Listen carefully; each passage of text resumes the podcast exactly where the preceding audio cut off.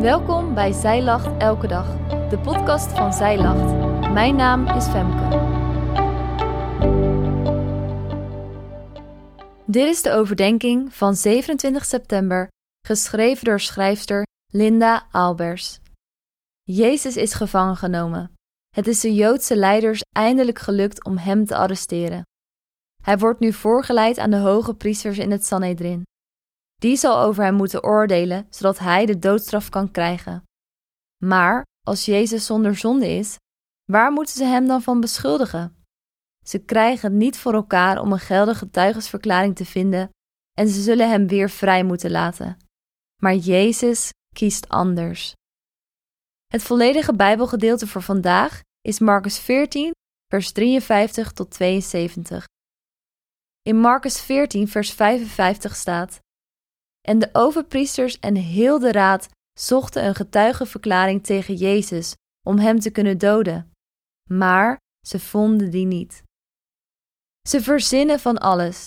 De een naar de ander noemt beschuldigingen op tegen Jezus, maar geen van deze uitspraken kan worden bevestigd door de ander. De hoge priester zal geen onschuldige man veroordelen. Hij heeft daar gegrond bewijs voor nodig. Het zal een lawaaiige en op den duur misschien wel een paniekerige bedoeling zijn geweest in het paleis. Ze willen hem zo graag dood en weg hebben. En nu lijkt het niet te lukken. Komt Jezus hiermee weg? Zo fanatiek en fel als de schuldeisers zijn, zo rustig is Jezus. Hij verdedigt zich niet. Hij hoort alle leugens aan die over hem verteld worden. En hij voelt de haat en weet van al het ongeloof en de donkere machten over hem heen. Maar Jezus zegt niets. Hij krijgt de kans van de hoge priester om iets te zeggen, maar hij kiest ervoor om te zwijgen. Jesaja profeteerde hier al over, en dit staat in Jesaja 53 vers 7. Toen betaling geëist werd, werd hij verdrukt, maar hij deed zijn mond niet open.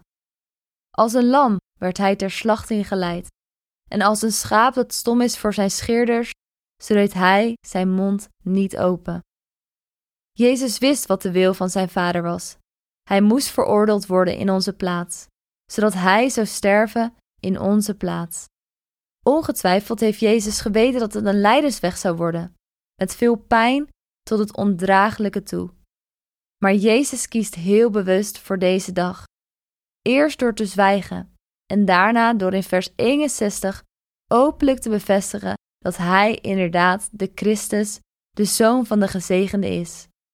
Hij zegt: Ik ben het, en u zult de Zoon des Mensen zien zitten aan de rechterhand van de kracht van God en zien komen met de wolken van de hemel.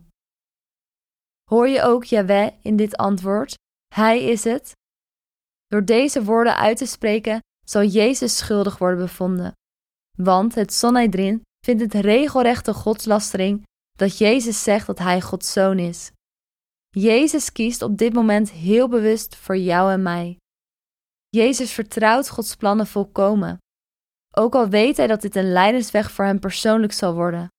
Wat een liefde. Terwijl Jezus binnen wordt veroordeeld, is Petrus buiten, in de tuin van het paleis.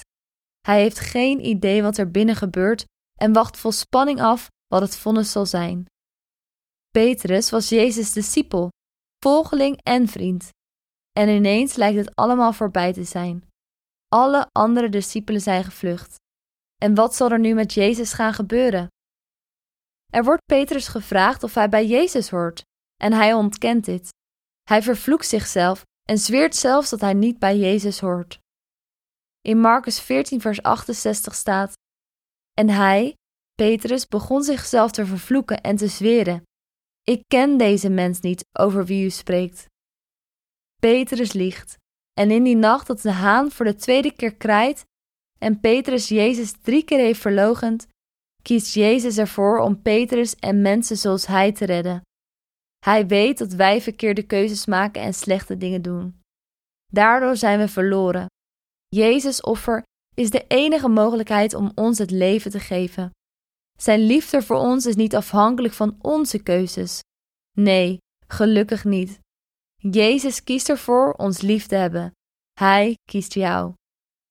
En in Romeinen 5 vers 8 staat: God echter bevestigt zijn liefde voor ons daarin dat Christus voor ons gestorven is toen wij nog zondaars waren. Omdat Hij jou het leven wil geven, heeft Hij gekozen om te sterven. Hij houdt onvoorwaardelijk van je.